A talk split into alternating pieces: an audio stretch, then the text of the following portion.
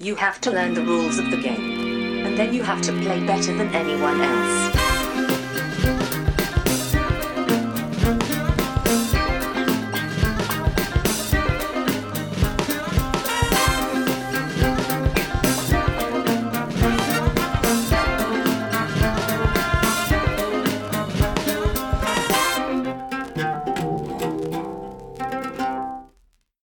Hej och välkomna till Vems tur är det första intrycket? Podcasten där jag och Brisse tillsammans med två till fyra mina vänner spelar ett spel första gången och sen ger vårt första intryck av det spelet. Idag är jag med mig Anders, Hej! Josefin Hej hej! och Johan. Hej! Idag ska vi spela Versailles 1919. Det är ett spel som är utgivet av GMT Games. Det är designat av Jeff Engelstein och Mark Herman. Med eh, illustrationer av Donald Haggerty och Roger B. McGowan.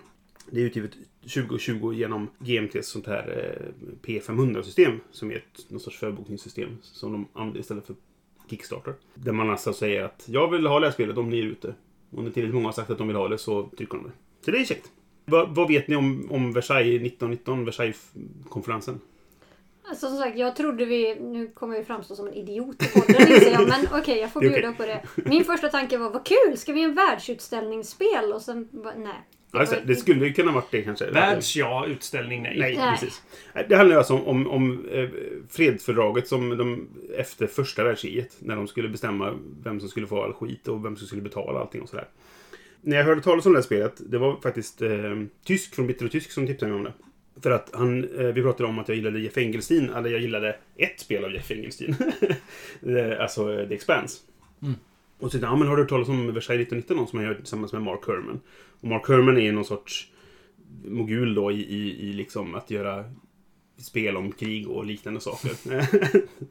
och så blev jag nyfiken på det. Och jag tycker ju att, att temat är väldigt intressant också. Vad det går ut på är att man spelar ju varsin av de här The Big Four som de kallas då. Representanter för dem och ska få igenom sin vilja helt enkelt. Och bestämma över hur världen blir. Och kollar man liksom rent historiskt på det så handlar väldigt mycket som hände under den här konferensen. De som bestämdes där fick ju konsekvenser som än idag finns kvar. Och framförallt ledde kanske ganska direkt till andra världskriget. Så det är väldigt spännande tycker jag. Ja, en kompis som, som um, inne på sådana här spel sa inte om det här spelet utan om ett annat sånt här där jag sa att behöver man inte ha en väldigt stor förståelse för historien för att spela sådana här spel? Mm. Och så sa han nej, det är perfekt för dig. Du kan inte läsa kartor och du bryr dig inte om vad som händer med folk. Så att du har precis den historiskt korrekta ingången i det här Ja, spelet. precis. Ja, men lite så var det ju. Alltså, alltså alla ville ju få fram det de ville. Liksom sådär. Och hur mycket skit skulle Tyskland ta liksom, för att eh, de var, var elaka. Men som sagt, och det, och det har, beslut som togs där har ju, fick ju konsekvenser eh, ganska långt framåt i tiden. Framförallt då inför eh, andra världskriget. Det som är, jag tycker är lite lockande med detta är också att det, det, det är ju liksom en fiktiv version av det. Där vi kanske bestämmer helt annorlunda än vad som bestämdes. Så det är inte egentligen. en simulering, utan det är mer ett spel. Ja, så, typ så. Fast det, det, de, de, det tar ju upp de frågorna som togs upp där. Mm. Men vi, kan- man, vi kan ju ta andra beslut i dem och det tycker jag är lite roligt. Till exempel så var ju kvinnlig rösträtt togs ju upp som ett, ett, en fråga här. De sa, men det här kan vi ta upp också. Och de bara, nej det känns inte som vi ska bestämma det här. Vi kan ta det en annan gång. Så, och så skippar de den. Men den frågan finns med i spelet. Så man kan, vi kan bestämma att vi ska ha kvinnlig rösträtt. eller, eller inte, beror på vad vi känner för. Ja, ska vi bara spela helt enkelt så får vi se vad vårt första intryck är. Ja. Då gör vi det. Så är vi strax tillbaka. Sådär, nu har vi spelat Versailles 1919. Det här spelet kan vi bränna rituellt, för det var ett riktigt skitspel. Nej, jag förlorade ganska stort. Mycket på grund av otur. För vi kommer till det sen helt enkelt och diskuterar vad som hände där. Kortfattat nu då, så reglerna. Det är, egentligen är reglerna inte så komplicerade. Alltså om man tänker bara på grunden i spelet. Men det, det, komplexiteten kommer väl av hur, hur saker klaffar med varandra. Liksom. Spelplanen är, kan man säga består av två delar. En som är själva liksom, konferensrummet där man sitter och, och bestämmer hur världen ska se ut. Och ett som handlar lite mer om vad som händer i världen runt om. Det finns en, en tjock hög med issues, som det heter nu då. Alltså eh, ämnen som man ska ta upp, frågor som behöver diskuteras och klubbas igenom och skrivas på och så vidare. Det är baserat på saker som, som diskuteras i verkligheten. Eh, till exempel om vilka, hur mycket pengar i så här, krigsskadestånd som eh, Tyskland skulle betala. Och, Mycket. eh, tyckte Frankrike. Eller eh, saker som att vem, vilket land ska det här området tillhöra? Som Italien. Har, varit, eh, Nej, nej, nej. England. England kontrollerar allt. Så det, det är det det handlar om liksom så. Och sen finns det ett antal event som i till största delen bestod de av personer egentligen som kom och, och ville vara med och prata på mötet. För de, de hade ju liksom folk som fick komma in och, och tala för sin sak så att säga. Och de har en, en direkt effekt och sen har de en effekt som händer när man klubbar ett, ett, en fråga då så att säga. Och så har vi den andra halvan som där dels består av då eh, fem regioner i, i världen. Europa, Balkan, Mellanöstern, eh, Afrika och eh, Pacific. Stilla havet-området. Och så finns det lite plats att, eh, att lägga sina saker som används då. Exhausted influence. Varje spelare har ett antal influenskuber. Och så har man tre stycken militärdiskar helt enkelt som man kan använda. Den här områdes... Det är ingen karta utan det är bara eh, liksom flera stycken tracks. En för varje område då. Och på dem så håller man reda på dels ifall det är bråkigt i den regionen. Det heter uprising. Och sen kan det även vara att det blir en, en krutdurk då. Nu, att nu smäller det snart. Nu händer det riktigt farliga grejer här. Så att säga då. Och då höjer man lägsta nivån för den här uprising. Ja, precis. Krutdurken gör att inte uprising kan gå under den, så att säga. Då. Men den når också bara typ halvvägs, sen kommer den inte längre. Och militären fungerar åt andra hållet, att den håller ner uprising. Precis, så att uprising-symbolen hamnar liksom mitt emellan krutdurken och militären, om man säger. sitter i kläm där lite grann, kan man säga. Och det du kan göra på din tur så kan du göra en militär action som är frivillig om du vill. Och den går framförallt ut på att sätta ut de militär på den här tracksen. Och beroende på vart man sätter dem någonstans så dels så blir din, ditt folk lite arga. För att du fortsätter driva på det här kriget som ska vara slut vid det här laget kan man väl anta att det är tematiskt det handlar om. Men du får också tillbaka influenskuber från de som är exhausted. Och de blir argare ju närmare krutdurken du sätter dem. Ja. Så ju mer du klämmer åt den här regionen, desto argare blir ditt hemland. Ja men precis.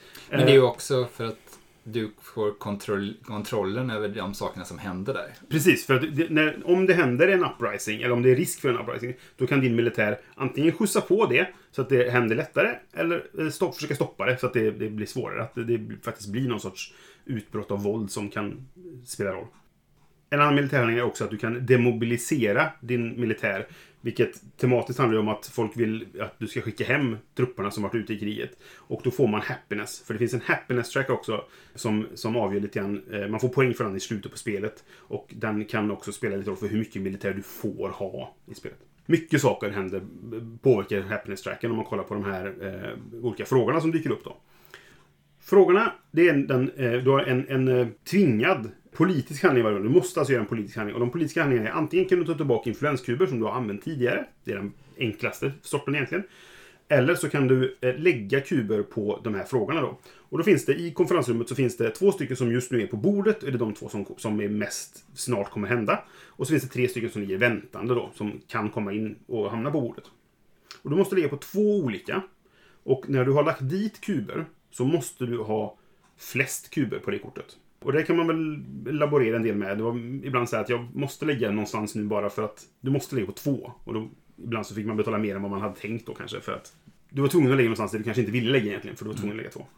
Eller så kan du då som den sista politiska handlingen är att, att, nu, att du tar ett av de issues som ligger on the table och sen löser man den helt enkelt. Man gör det som händer där. Och då kollar man på vem som har flest kuber.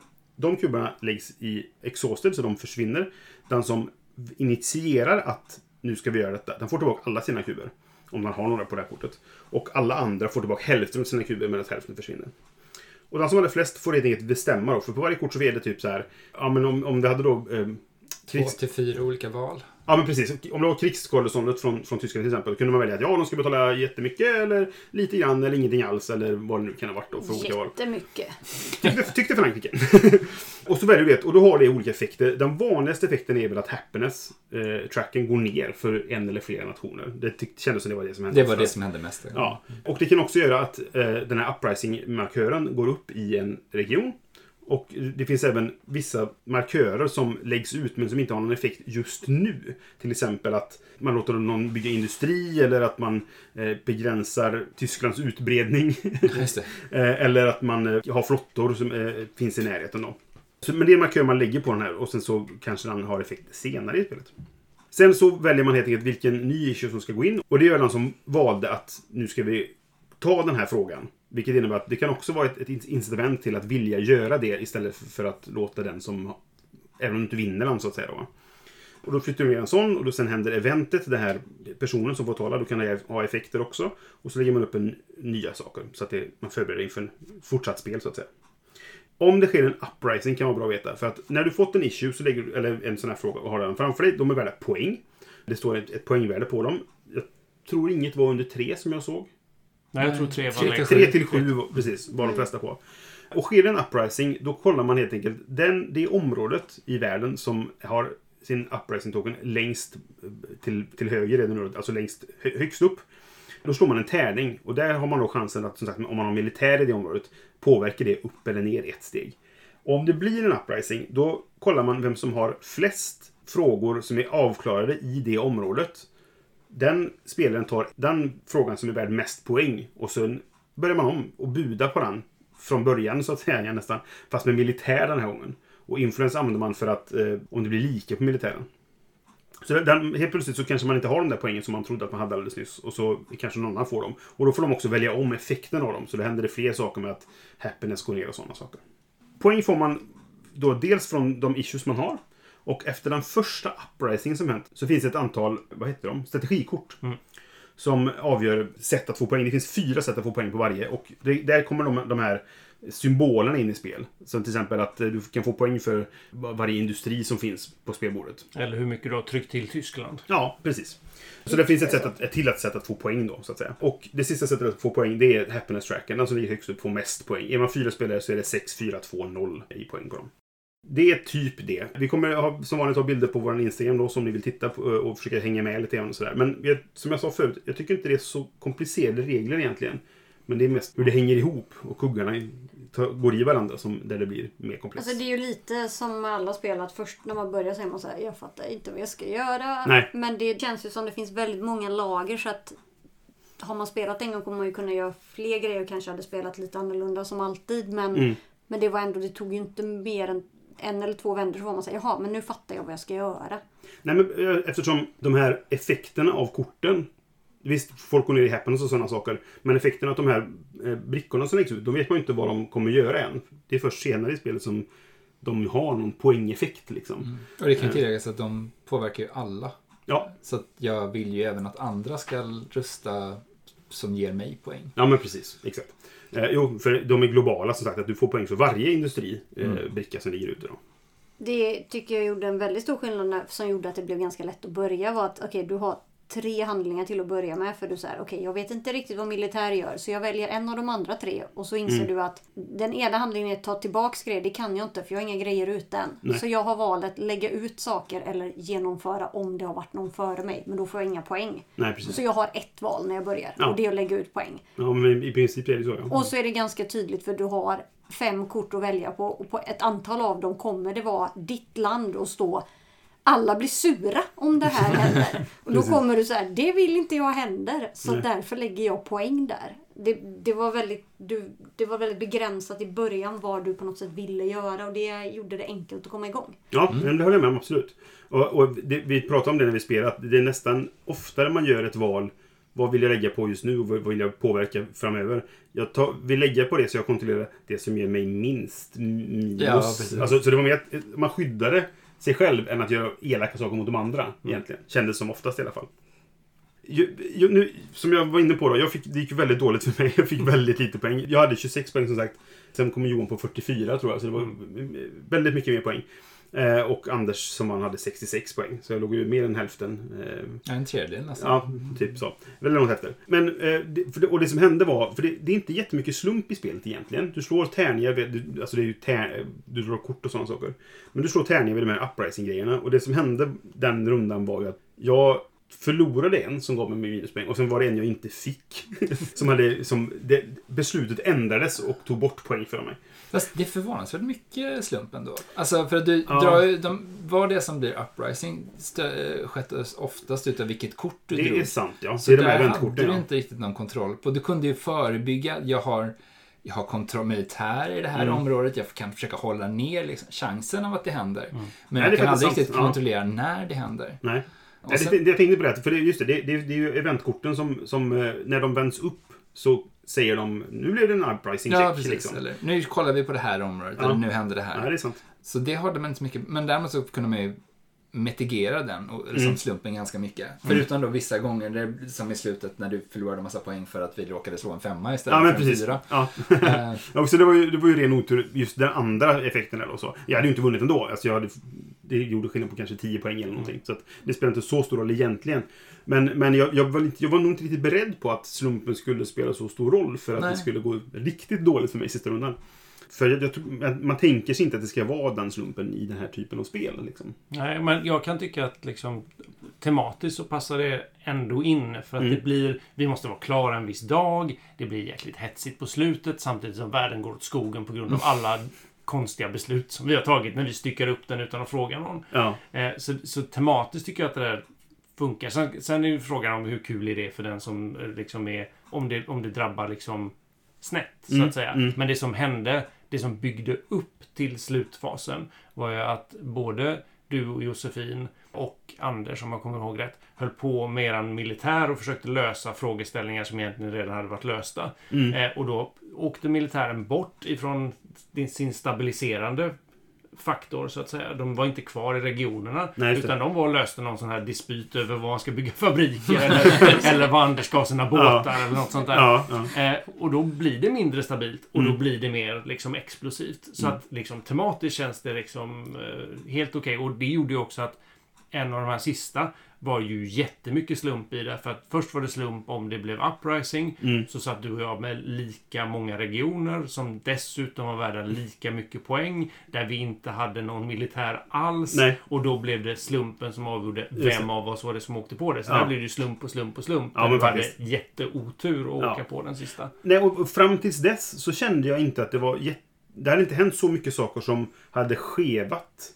Nej. Alltså som var typ så här, det, det gick ungefär lika bra för alla kändes det som i alla fall. Jag, jag, jag observerade ju lite grann mitt i spelet att det kändes som att må, många av de frågorna som hade kommit upp i alla fall så drabbade de alltid Frankrike och England tillsammans Mm. i Happiness.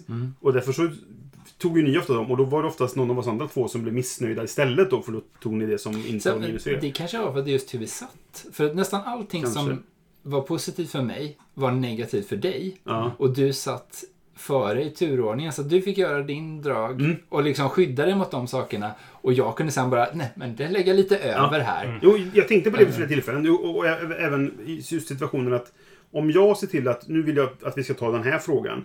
Då måste jag sen väl lägga upp någonting och då har du första king på den. Att lägga dit kuber och då kan du man...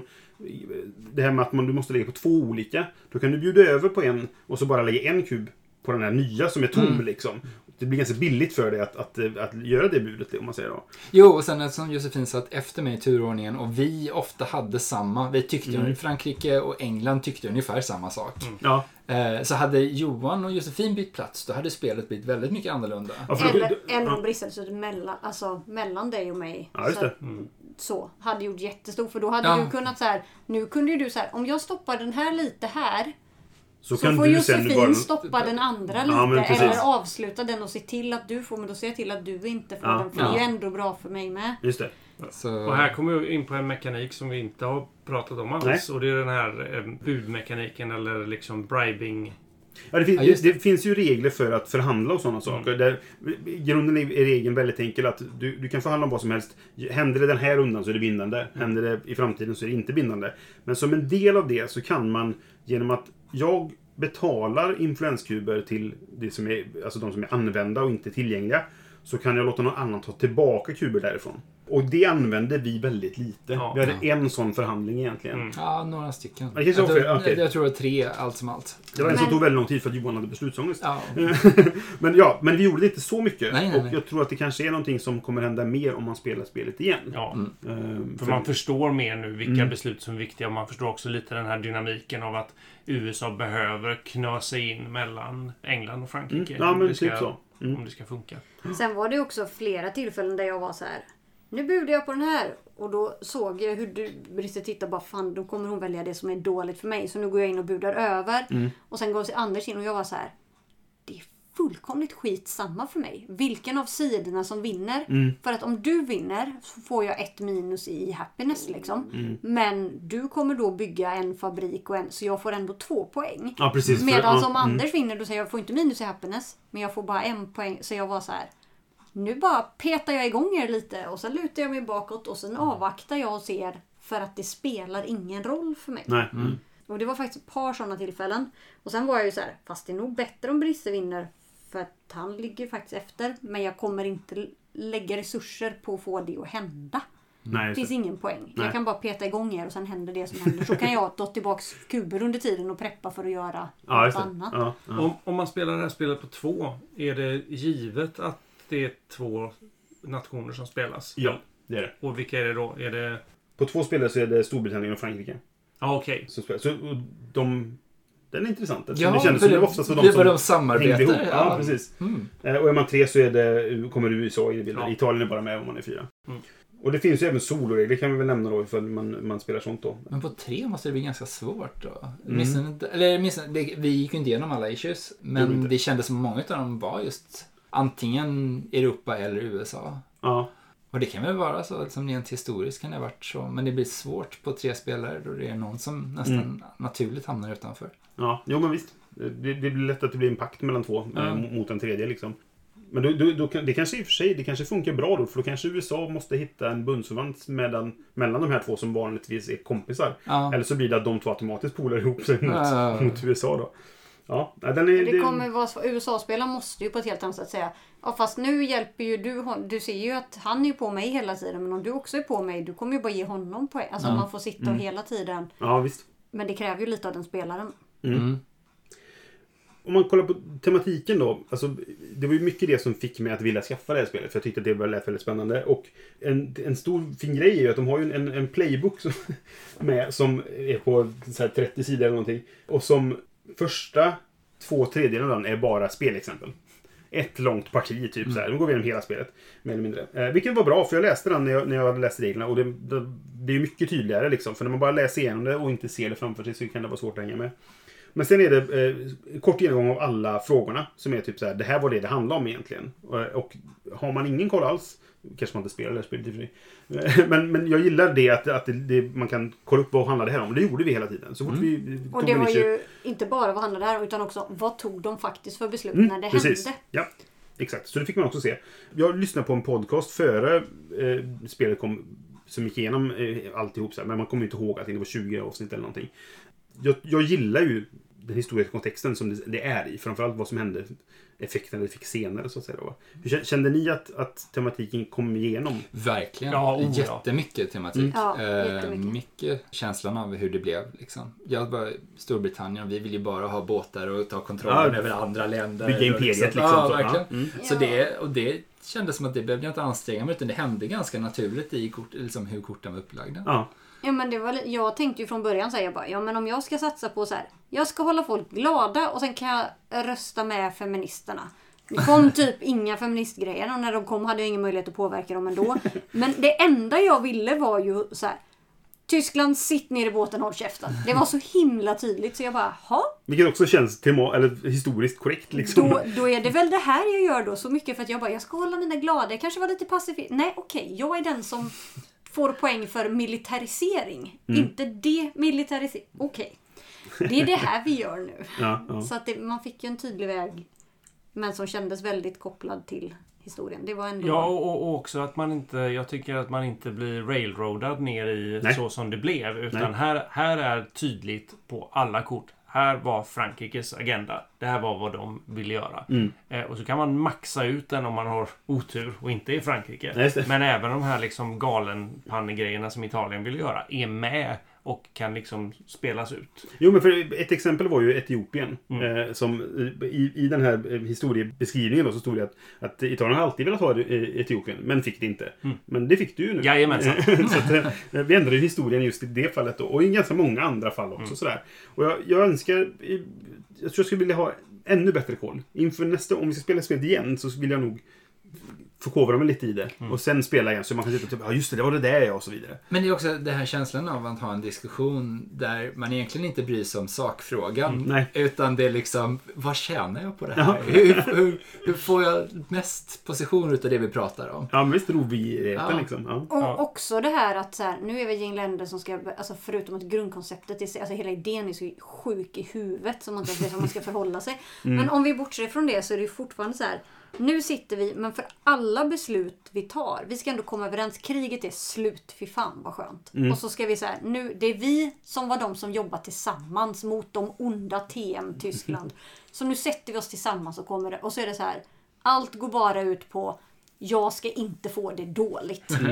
Det är så här, ni kan inte vara överens om något. Det handlar bara, alltså det, det gick fram bra. Och för mig som är så här, jag har väl ett visst his- historieintresse ska jag ändå säga, men första världskriget, jag är ju krigs ganska ointresserad överlag. Mm. Men andra världskriget har jag lite för mycket vänner runt mig som är lite för intresserade av. Lite För att möpar sådär. Ja. Ganska så mycket. Så att jag har oavsett om man ville det eller inte lärt sig ganska mycket om det. Det kan ju också hjälpa att jag har en partner som bor i Berlin stora delar av tiden. Det är svårt att missa andra världskriget när man spenderar Mm. mycket tid i Berlin. Liksom. Det blir intressant och relevant. Men första har jag, det är en av mina större luckor. Jag har dålig koll.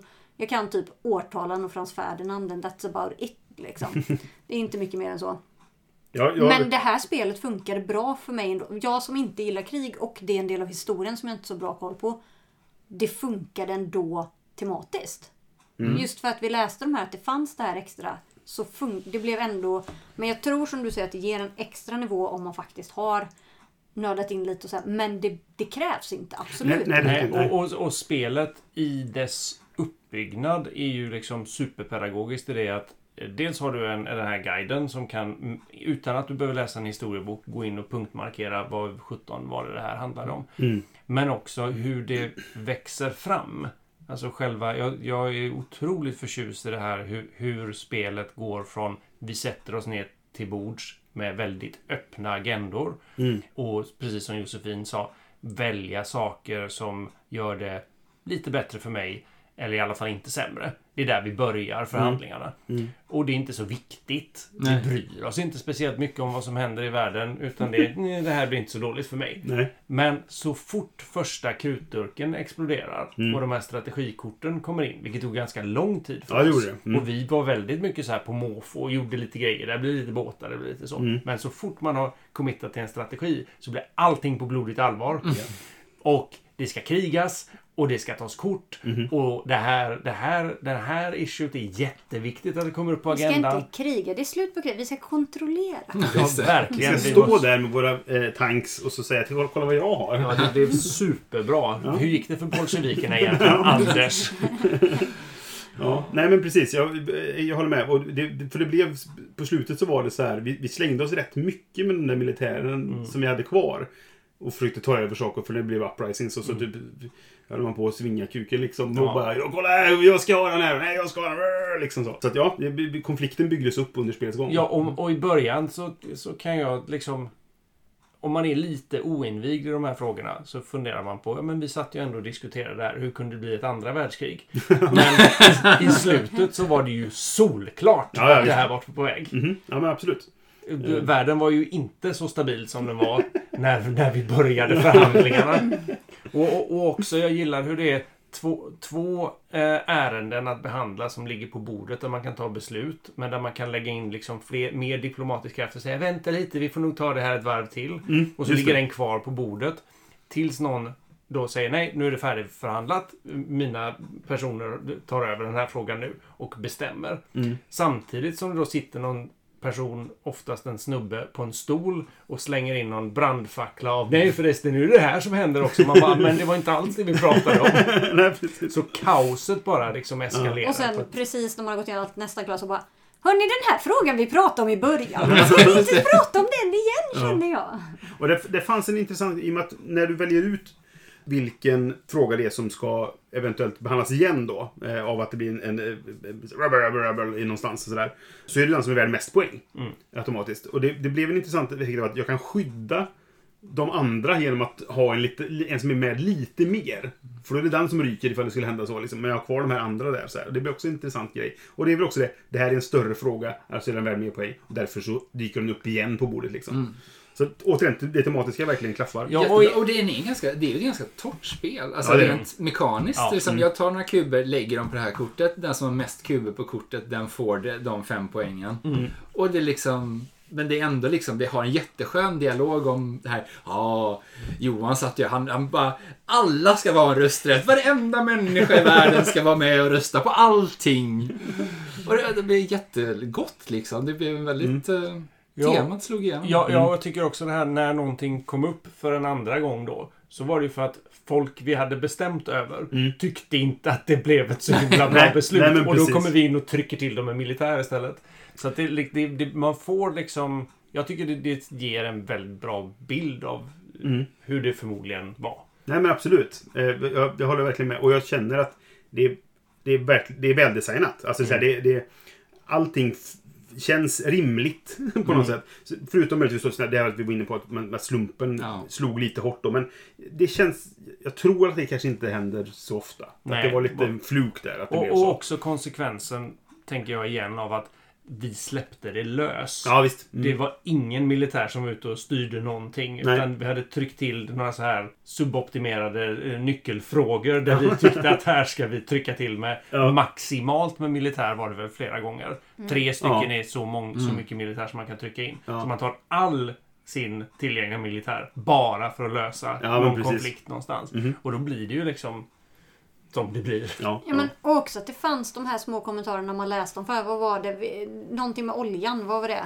Ja, det det var, något, eh, jag kommer inte ihåg, Saudiarabien tror jag det var, som. Ja. som ville bli fri, eh, självständigt. Och det var helt okej för de hade inte hittat, hittat olja där än. Så det var ingen som brydde sig om det länet och liksom så. Nej, och det känns Och också... då, det fick ändå fram någonting. För Ja. det var lite så att man hör till bara, vi är inne och slåss emellan. Vill vi inte ha Saudiarabien? Och sen bara, ah! ja, just det. Det handlar om resurser. Mm. Och vänta nu, vi har ett möte där vi tänker, vi bara delar upp allt, alla blir glada. Och så tänker vi att det här kommer leda till att det inte blir mer krig. Ingenstans tänker vi, vänta lite. Det här med resurser, vad är det vi har slåtts om innan? Om vi Mm. nu bara random delar upp det. Vad händer om någon hittar något? Eller om någon blir av med något? Ingen kommer ju tycka att nu är det inte rättvist längre. Och bli, så- nej då, det finns ingen risk för det. Vi är helt home safe. Det är så dumt så att det är Ja. sant. Ja. Och jag måste säga, regelboken är nog en av de bästa jag läst. Nu har jag ju inte spelat så många GMT-spel. Jag kan gissa att de är, är bra på det här i överlag. Sådär. Eh, vi slog i regelboken en, en del, men det var mycket, mest för att säga, vänta hur var det nu? Gick, var det så eller så? Det var sådana saker. Ja, och också nu när vi är lika, vad är tiebreaken för det här? Precis, så det var sådana saker vi slog upp. Men det fanns ingenting vi inte fick svar på. Nej. Det, det Vi har var- inte jag- jag- googlat en enda Nej, sak. ingenting. Jag, jag, det var vid något tillfälle som vi var lite osäkra. Men då hade jag bara inte läst en liten sån här play-hint-ruta. Liksom. Nej, precis, för det fanns här, här stod ju svaret. Liksom. Det fanns just det. Det var en Ja. sak vi undrade över och då fanns den just. Ja men titta, här, så här är det. Så och, det- och också en dispyt över någonting som kanske kunde tolkas på ett visst sätt Ja. kring hur jag skulle få poäng. Stod Ja. Obs! Så här, Så här är det inte. Ja, men visst. Om svart, du svart på vitt. Så här liksom. är det och om du tror att det är på det här sättet så har du fel. Så, är det fel. så är det inte. Nej, men precis så. Tydligt. Eh, väldigt tydligt. Och, och, alltså, så här, det, det känns som att det här har speltestats och det har blindtestats. Mm. Och de här sakerna har hänt. Så därför skriver vi ner, så här funkar det. Mm. Liksom. Och det, det, sånt gillar jag. Det är vä- väldigt tydligt. Liksom. Har, har någon av er spelat uh, Churchill? Nej. Är, för det är ju ett spel om andra världskriget där man ska diskutera hur det är Churchill, eh, Stalin och... Men det är de här tre stormakterna som diskuterar. Mm. Och man diskuterar om hur löser vi det här, liksom Tyskland, sta, eller liksom eh, Japan. Och så är det både en diskussion, fast det är en, eh, den är mycket, mycket mer komplicerad. Och det är verkligen samma sak, man, man diskuterar sakfrågor, sakfrågorna i sin tur har effekter på världen, men det är också en mycket, mycket mer komplicerad historia. Då är det massa saker som rör sig fram och tillbaka och det är liksom faser som är uppdelade i typ 20 steg. Mm. Så det känns som att han har, de har ju lärt sig av det. Ja, för det, det- är det- samma det- tema och det- samma idé. Ja, det är samma designer. Mark Herman som är en av designers till Versailles 1919. Är, Ja, okej. är den designern till, till Churchill. Mm. Eh, Så att det här är ju Churchill som jag ville att Churchill skulle vara när vi, skulle, när vi försökte spela det. Ja. Och det var verkligen det här att diskutera, att ha, ha liksom frågor som man pratar om och det påverkar världen men Mm. gör, det här gör det så mycket, mycket bättre. Ja, och det är fokus på interaktionen och diskussionen och liksom dragkampen mellan oss. Mm. Ja. Eh, utan att reglerna kommer i vägen. Nej, men precis. Och jag blev också, för jag blev lite orolig när du tog upp reglerna. Så här, ja, sen kan man förhandla med varandra. Och jag bara, åh nej, fucking diplomacy. Jag vill inte, jag hatar sådana här spel. Och sen bara, nej nej, men har du sagt att det gäller denna rundan, då gäller det. Och jag bara, Åh gud vad Ja. skönt. Mm. Och så bara, vill du göra någonting framåt då kan du inte garantera. Jag bara, nej men då gör man ju bara inga sådana deals. Nej, men precis, det, var, det var ju väldigt lätt att styra. Typ såhär, okej, då, då bestämmer vi bara saker som händer nu. Så Ja. vi slipper det här med att eh, jag lovar att... eh, Liksom sådär. Ja, precis. Det står uttryckligen i reglerna att Mm. alla deals man gör gäller bara under den turen som man Sen gör är de dem. inte bindande. Man kan Nej. fortfarande vara snäll Ja, så att vill man spela det väldigt diplomatiskt då gör man längre så här förbindelse. Men om man som jag inte gillar den biten, du behöver inte göra den för att kunna vinna. Alltså, Nej. då säger du bara eh, nej. Nej. Och så är det löst och så kan du ändå få... Så det, den oron var helt omotiverad. Det var väldigt skönt. Ja, eh, hur tyckte ni att det ser ut? Alltså designmässigt och liksom utseendemässigt. Som man förväntar sig kan väl jag säga. Det är nog helt rätt bedömning. Alltså, om du som lyssnar, om du inte har tittat på Instagram, men än, tänk dig ett spel om första eh, om Versailles-konferensen. Det ser exakt ut som Ja. du tänker dig att det gör. Eh, Det, är det en är ganska... fejkläder och det är trä, träpanel. Ja, och framförallt så är det väldigt sen- mycket svartvita bilder på gamla gubbar. Ja. Det är liksom... Ja. eh, Mm. Eh, Nej, men det, det är ett väldigt så, det är ett väldigt sobert intryck kan man väl säga. Ja, men jag tycker också att det, är- det är tydligt. Och det är otroligt tydligt. Ja, och ingenting kommer i vägen. Liksom. Det ser inte så spännande ut. Men det, det är funktionellt. Men, Men det ser ut som de här GTM-spelen. Det är Ja, ju ja. deras utseende. liksom. Sen pratar vi om att det var ju lite tråkigt för det är ändå så här, de har, Alltså även om det är lite torrt och lite så, här, så finns det ju en tanke med det och det är tydligt. Men det som är lite tråkigt på korten, det är som vi sa. Okej, men här är det, här, klippart 1A. Mm. Alltså, och det är ju lite tråkigt faktiskt. Nej, jag hörde till och med, jag tror eh, det var, jag hörde när de hade en unboxing när det, eh, de hade fått första prototypen sådär. Så sa eh, Jeff Engelstein så här att man kan undra varför vi valde det här framsidan som bara är de, de fyra, alltså de som, som var ledare för de fyra, the big four som vi mm. diskuterade. Och det är bara det på framsidan liksom. Och det var att det här är en av de få bilderna där, alla fyra är med. Och de sa att alternativet hade varit att ha fyra separata bilder på dem. Och då gjort någon sorts collage. Och bara, då tyckte vi ändå att det här var bättre. Så att det känns som att de har gjort det bästa situationen. Man kunde teckna en bild. Mm, jo, Det- det- Apropå Churchill så är det ju tecknat i, i, det- i det spelet då. Men ja, det, Ja. Ja, men man, det är väl jobbigt. Man, kast, man kastar sig inte över detta spelet tack vare kartongen. Nej. Nej. Nej. Och inte tack vare när man öppnar det heller. Nej. Jag kan ändå förstå poäng med att ha ett foto eller liksom även om det inte Men det är inte jätteroligt i sen. Sen en sak är det ju faktiskt som är konstig som vi har sagt. Eftersom det står att happiness kan inte gå över 30 och mätaren går till 25. Ja, precis. Mm. Det är Men det är ju De- det de inte- enda vi har hittat i Ja. hela... Det var ju några kort som hade felaktiga symboler. Ja, gissar precis. vi på. Eller så har vi bara inte förstått vad de är. Det intressanta är, jag inser nu när, jag, när, vi, när vi pratar om det nu, vi diskuterar det under spelets men eh, det finns eh, och det kommer skickas ut gratis till de som har stöttat det på P500 ersättningskort. Ah, För de har, de har upptäckt att det är några kort som är fel. Så Ja, de, okej. de kommer tryckas och, och fixas i ordning så. Ja. Eh, så att det, eh, det, det, de har tänkt på det i alla fall. Så. Men det var ju några som var fel helt enkelt. Eh, så var det. Och det där med, med att man bara går till, till 25 istället för 30, det är väl bara en feltryck Ja. i, i, i boken. Det kan ha ändrats. Det kan eh, ha. Ja. Eh, sen, sen, ja precis, en tidigare revidering då helt enkelt. Okej, vill vi gå till betyg? Vem vill börja? Anders tycker jag ska börja. Jag Ja. kan börja. Jag vann ju, så jag tycker det här var ett bra spel. Eh, nej, men jag tycker det var faktiskt ett väldigt bra spel. Och jag är väl färgad av att jag vann. Men det, men alltså, det där är ju ofrånkomligt. Ja. Alltså, så här. men eh, det, ja, vi hade väldigt roligt. Det kanske höll på lite länge. Jag blev nyfiken på exakt hur lång tid det tog nu. Ändå... Det stod på en till två timmar va? Eller? 60 till 120 minuter står det. Ja. Så att, ja, en, två, eh, två och en halv tog det. Men Och det var också utan- utan regelgenomgång. Ja. Så att, men Ja. det, det är också första gången vi spelade, vi slog upp lite regler och sådana saker. Ja. Men, ja, Men kan det kändes som att det, det tog ganska... Det kunde varit lite kortare. Ja. Det finns regler för att göra det kortare. Att du lägger det här slutkortet högre upp eller längre ner i högen. Ja, Mm. Så det finns regler för att, att eh, variera det. Jag tror framförallt dock att göra det längre. Ja, okej. Eh, om man skulle vilja det. Liksom. För det känns som att det, blev, det gick lite tomgång Mm. i slutet. Det Ja. kändes som att det var... Vi, jag, Men det kanske du kände för att du ledde då. Jag kände ju att jag ville att det ska hålla på Ah, länge okej. så jag Oh, ja. kan få Ja. chansen att komma precis ikapp. samma. Ja. Precis samma. Eh, Jag ville att det skulle gå exakt en runda så jag skulle vinna. Det hade jag ju inte gjort ändå, men jag trodde ju det. Ja. Nej, så, jag, jag vet inte, men det, kanske, Nej, men, det eh, kan ju ha med det att göra. men det är egentligen det enda jag tycker Mm. med det här spelet. Jag tycker att designen är väl, är väl lite tråkig. Men spelet var jätteroligt och vi hade väldigt kul när vi spelade. Mm. Så det är tummen upp. Gött. Jag blev väldigt förvånad. För att det här för mig är det en klar tumme upp. Mm. Och jag så här. Det känns inte som din typ av spel. Absolut Nej. inte. Inte någonstans. Jag, Jag bara... kände mig lite elak när jag sa nu ska vi spela detta Josefin. Och jag, framförallt när jag då, åh, handlar det om världsutställningen Uppfinningar? Gud vad kul! Och så bara, Nej. nej, vi ska kriga och spela typ diplomacy på ett tråkigt bräde. Jag bara, ja. Nej, jag har haft jättekul.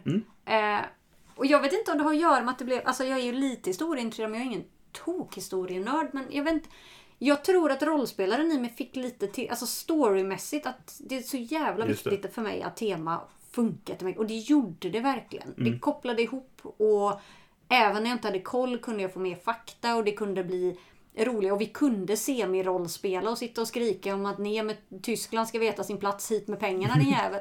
Det är roligt. Nej, jag är, är skitnöjd faktiskt. Det är oväntat. Så att, nej, tumme upp. Ja, alla spel där jag får spela i Italien är ju bra spel. Eh, Automatiskt tumme upp. Automat- Nej, jag, jag eh, älskade det här spelet. Det är en av de bästa spelupplevelserna jag har haft i år faktiskt. Nu, Ja, nu fyller ju detta eh, liksom tomrummet när man inte kan spela Megagames på grund av att det är pandemi. Det.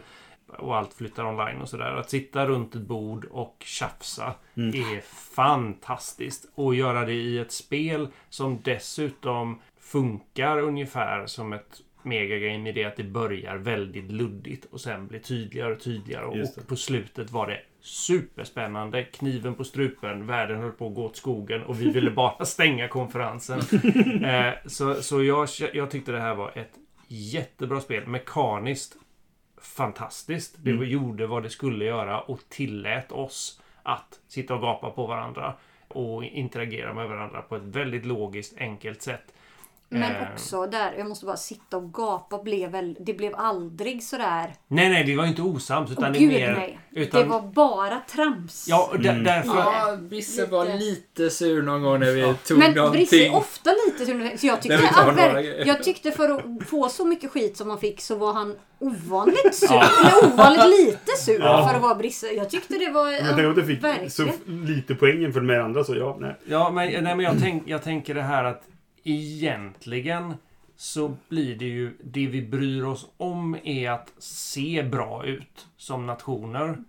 Konsekvenserna av våra handlingar Nej, nej. inte verkligen speciellt inte. viktigt. Nej. Och, och den speglingen av liksom den tidens politik och konsekvenserna det fick. Jag tyckte det var fantastiskt liksom. Ja. Jag Vi ska inte kalla det en simulering för det är absolut inte. Men, men det känns som, precis som alla andra har sagt, att temat och spelet hänger ihop hand i handske. Mm. Det är jätte, jätte, jättebra gjort. Och jag måste också säga det här, jag är inte så jätteförtjust i, i torra historiespel. Men det här var jätteroligt. Mm. Jätte, jätteroligt. Och framförallt så tycker jag att det, det lyckas kombinera det här med att man faktiskt lär sig någonting lite grann. ja, men verkligen. Ja, absolut. Sen satt ju vi också och slog upp och läste vad hände faktiskt. Och så här, jag menar skiter man i det och inte har någon uppfattning och vadå eh, Mellanöstern och Balkan? Jag fattar inte ens vad pratar vi om. Jag fattar, alltså jag har ingen Nej. aning om att man satt och delade upp världen. Alltså, då blir det väl svårare. Men Ja. du Ja, men jag hade inte velat spela utan det. Nej, Men jag nej menar, inte jag heller. nej, och jag menar jag hade ju inte mycket koll. Alltså jag visste ju typ, ja men vi satte oss och drog lite streck på en karta och så, som sagt Mm. Årtal och, och, och Frans Fär- and That's about it liksom. Det är det jag har och det räckte Men jag, mig. tyck, ja, jag tycker att det är värt att poängtera att man behöver inte älska första världskriget Nej. eller Nej. historia för att spela Nej. det här Nej, det spelet. inte. Och det är jätteroligt. Man hade förmodligen kunnat skinna det här på något annat sätt och, och få ut ungefär samma. Men, men det har de här kvaliteterna som även Kings Dilemma har. Att det är en enkel spelmekanik som driver en intressant interaktion. Mm. Och precis som Anders sa, jätteroligt. Jag, jag tror att jag hade nog inte varit lika intresserad av spelet ifall jag inte hade haft den här tematiken. Men, men jag tror också som du säger att man skulle kunna låta det handla om något helt annat. Utan Ja. att det skulle falla ihop bara för det. Liksom. Men jag, jag, jag tycker att det byggs upp mycket av det. För jag tycker att, eh, att tematiken är väldigt stark som sagt. Ja, och det börjar lugnt och det blir hetsigt på slutet. Och jag tyckte inte att det var... Tiden kändes inte som att... eh, För det var spännande hela tiden. Jag var tvungen att vara engagerad i vad ni gjorde. Så om inte det har framgått tydligt så en solklar tumme upp från mig. Ja. Eh, Jag brukar ju ofta vara kluven inför mitt eh, betyggivande, men det är jag inte alls den här gången.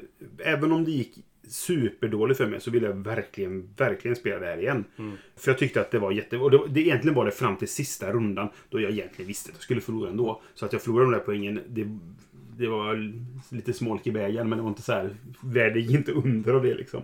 Men jag, jag tycker, som, som jag sagt flera gånger nu, att temat går igenom jättestarkt. Och eftersom det var det som var det som fick mig att, att hitta spelet så är jag väldigt glad för det, att det funkade så bra. Och det är extremt väldesignat. Det känns som att det är bara de har slipat bort alla vassa kanter och allting och det är bara så här så och så flyter allting på. Regelboken suverän, allting finns. Jag, det, skulle vi spela fler gånger och det blir fler så här edge cases då man typ så här, vänta nu, om det blir så här då, då kanske det finns luckor, det vet vi inte. Men jag, jag tror inte det, är helt ärligt. Och jag vill jättegärna spela det här igen. Även om det gick superdåligt för mig så hade jag jätteroligt. Så att det, det, det är en, en tydlig tumme upp för mig också. Något att tillägga? Det är ju inte ett nybörjarspel.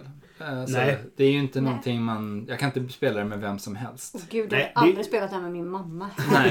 Herregud, nej. Nej, visst, det, det, är- Så det är det- inte liksom gateway på något sätt. Det är det inte. Men jag blir nyfiken nu, för vi pratade om, du pratade om Churchill och att det var mer komplicerat.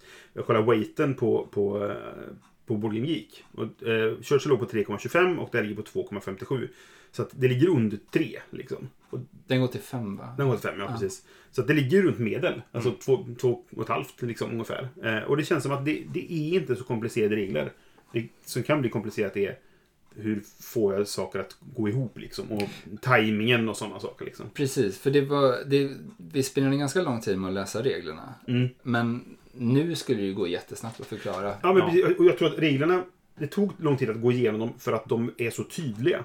Och Ja. tar upp alla fall som finns och allting så här. Och det är en del moment också. Mm. Nu blir det en uprising. Okej, då, då ska de här sakerna hända. Men när man väl gjorde en uprising. Andra gången vi gjorde den så var det bara okej, nu händer detta, detta, detta och så var det klart liksom. Så att det, det, jag tror att tack vare att reglerna är tydliga, men tar lite längre tid att gå igenom, så sitter de så väldigt tydligt sen liksom. Precis. Det var, jag tror vi missade någon grej men, eh, på Upracing. Det skulle kunna varit mer... De har ju vissa ikoner på spelplanen. Mm. Över det här gör du och det är de här sakerna som gäller. Men det är vissa saker de missat. Det känns som att de... Det finns, det finns utrymme att bli lite bättre. Ja, Men det är... Jag- Jag tror att det, det hade vi använt... Ja, det, här, det står faktiskt inte där. Nej, det finns vissa saker som saknas på player raidsen om man säger så. De här, Ja. eh, på, på spelplanen eller på de här lapparna eller korten man har bredvid. Då. Till exempel, vi missar flera gånger det här med att den som vinner en, en budgivning med militär förlorar på happiness på grund av det. Det kommer på och så retconnar vi det och sen så tror jag vi glömde det igen när vi Mm. gjorde det nästa gång.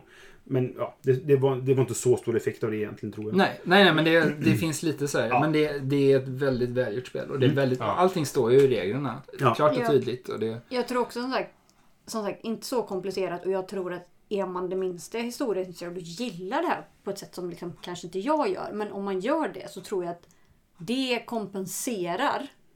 Alltså för att det är lite långa regler att läsa. Mm. Totalt. Alltså det kommer ju verkligen bara överväga. Och jag är ju så här. Det hade varit skitkul att spela det här med någon så här riktig Alltså lite som du pratade om den här podden och lyssna på. Att spela det med dem hade ju antagligen varit fantastiskt. De hade ju haft en anekdot om varje eh, Ja, det issue som togs upp. Skitkul. Ja. Men sen gillar jag ju att lyssna på sånt. Det är inte alla som gör heller. Det Ska man. Nej, jag, jag, vill, jag vill gärna poängtera igen det som Josefin sa förut. Att det finns ett, ett djup i det här som vi bara känns som vi bara skrapat ytan på. När det gäller det här att om, om jag bestämmer att nej, men vi kan gå till beslut i den här frågan. Fastän jag inte kommer att vinna den. Så finns det en jättestor poäng med det. För då bestämmer jag vilken nästa fråga Ja, är mm, som ska ja, hanteras. verkligen. Och där kan jag redan ha förberett mitt case. Och det kan ligga hur mycket av mina kuber som helst Mm. där. Och jag kan ha en del kuber på den som inte vinner. För då får jag tillbaks alla dem och får mer handlingskraft mot vad alla Exakt. andra får. Ja. Och man kan få till oändliga kombinationer med de här personerna som sitter på stolarna. Och det finns långa kedjor med grejer som man kan eh, liksom få till som skapar instabilitet eller löser ens egna problem på, Mm. på smidiga sätt. Så det finns massor, massor med djup att utforska som inte blir så mycket, tänker jag, att någon som har spelat det här jättemånga gånger har, den har en liten edge, men Mm. inte den här vansinnigt stora edgen. Nej, inte som vissa andra spel som vi har diskuterat i podden tidigare. Där man typ så här att jag kom, en, en nybörjare kommer bli fullständigt mosad Ja, av någon som spelat det förut. Kanske bara ett par gånger. Mm. Men nej, det, ja, ja, jag tror du rätt. Och, och, och framförallt den här ständiga dragkampen som gör att man behöver hålla de andra i schack. Man kan inte bara fun- fundera på hur får jag så mycket poäng som möjligt. Utan Mm. mina poäng är direkt beroende på hur går det för er andra. Mm. Ja, precis. Och jag måste säga, jag som vanligtvis inte är superförtjust i långa spel, att det här tog två och en halv timme speltid förutom regelgenomgången, det märkte jag inte. Nej. Alltså, för det är, of, det är så pass ofta din tur tror jag. Så att det, jag, jag, jag tyckte inte det kändes som det tog två och en halv timme att spela. Nej, inte jag heller. Och det är ju ett plus. Ja, och och jag tänker att det, det är för att man är eh, lågintensivt engagerad hela Ja, precis, tiden. du, ja, det bryr dig om vad som händer hela tiden. Så. Eh, även om någon, när någon annan bara lägger kuber någonstans. Så, eller även när någon annan bara tar tillbaka kuber från, från eh, de använda kuberna. Så, så spelar det roll för dig för du vet att okej, nu har du mer att buda med. Mm. Ja, då, då, mm, då får jag tänka så här kanske istället. Liksom, så. Ja, nej, verkligen. Okej, då eh, tackar vi för den här gången och så är vi helt enkelt tillbaka nästa gång med våra första intryck av ett annat spel. Hej då! Hej då! Du har lyssnat på Vem styr det första intrycket? Vi har en Facebook-sida på facebook.com spelradio och en hemsida som heter spelradio.se. Har du tankar, frågor, kommentarer eller förslag så får du jättegärna höra av dig antingen via vår Facebook-sida eller om du vill mejla till brisse.spelradio.se. Vi finns på iTunes och andra poddprogram och numera även på Spotify. Musiken är gjord av Robin Landahl.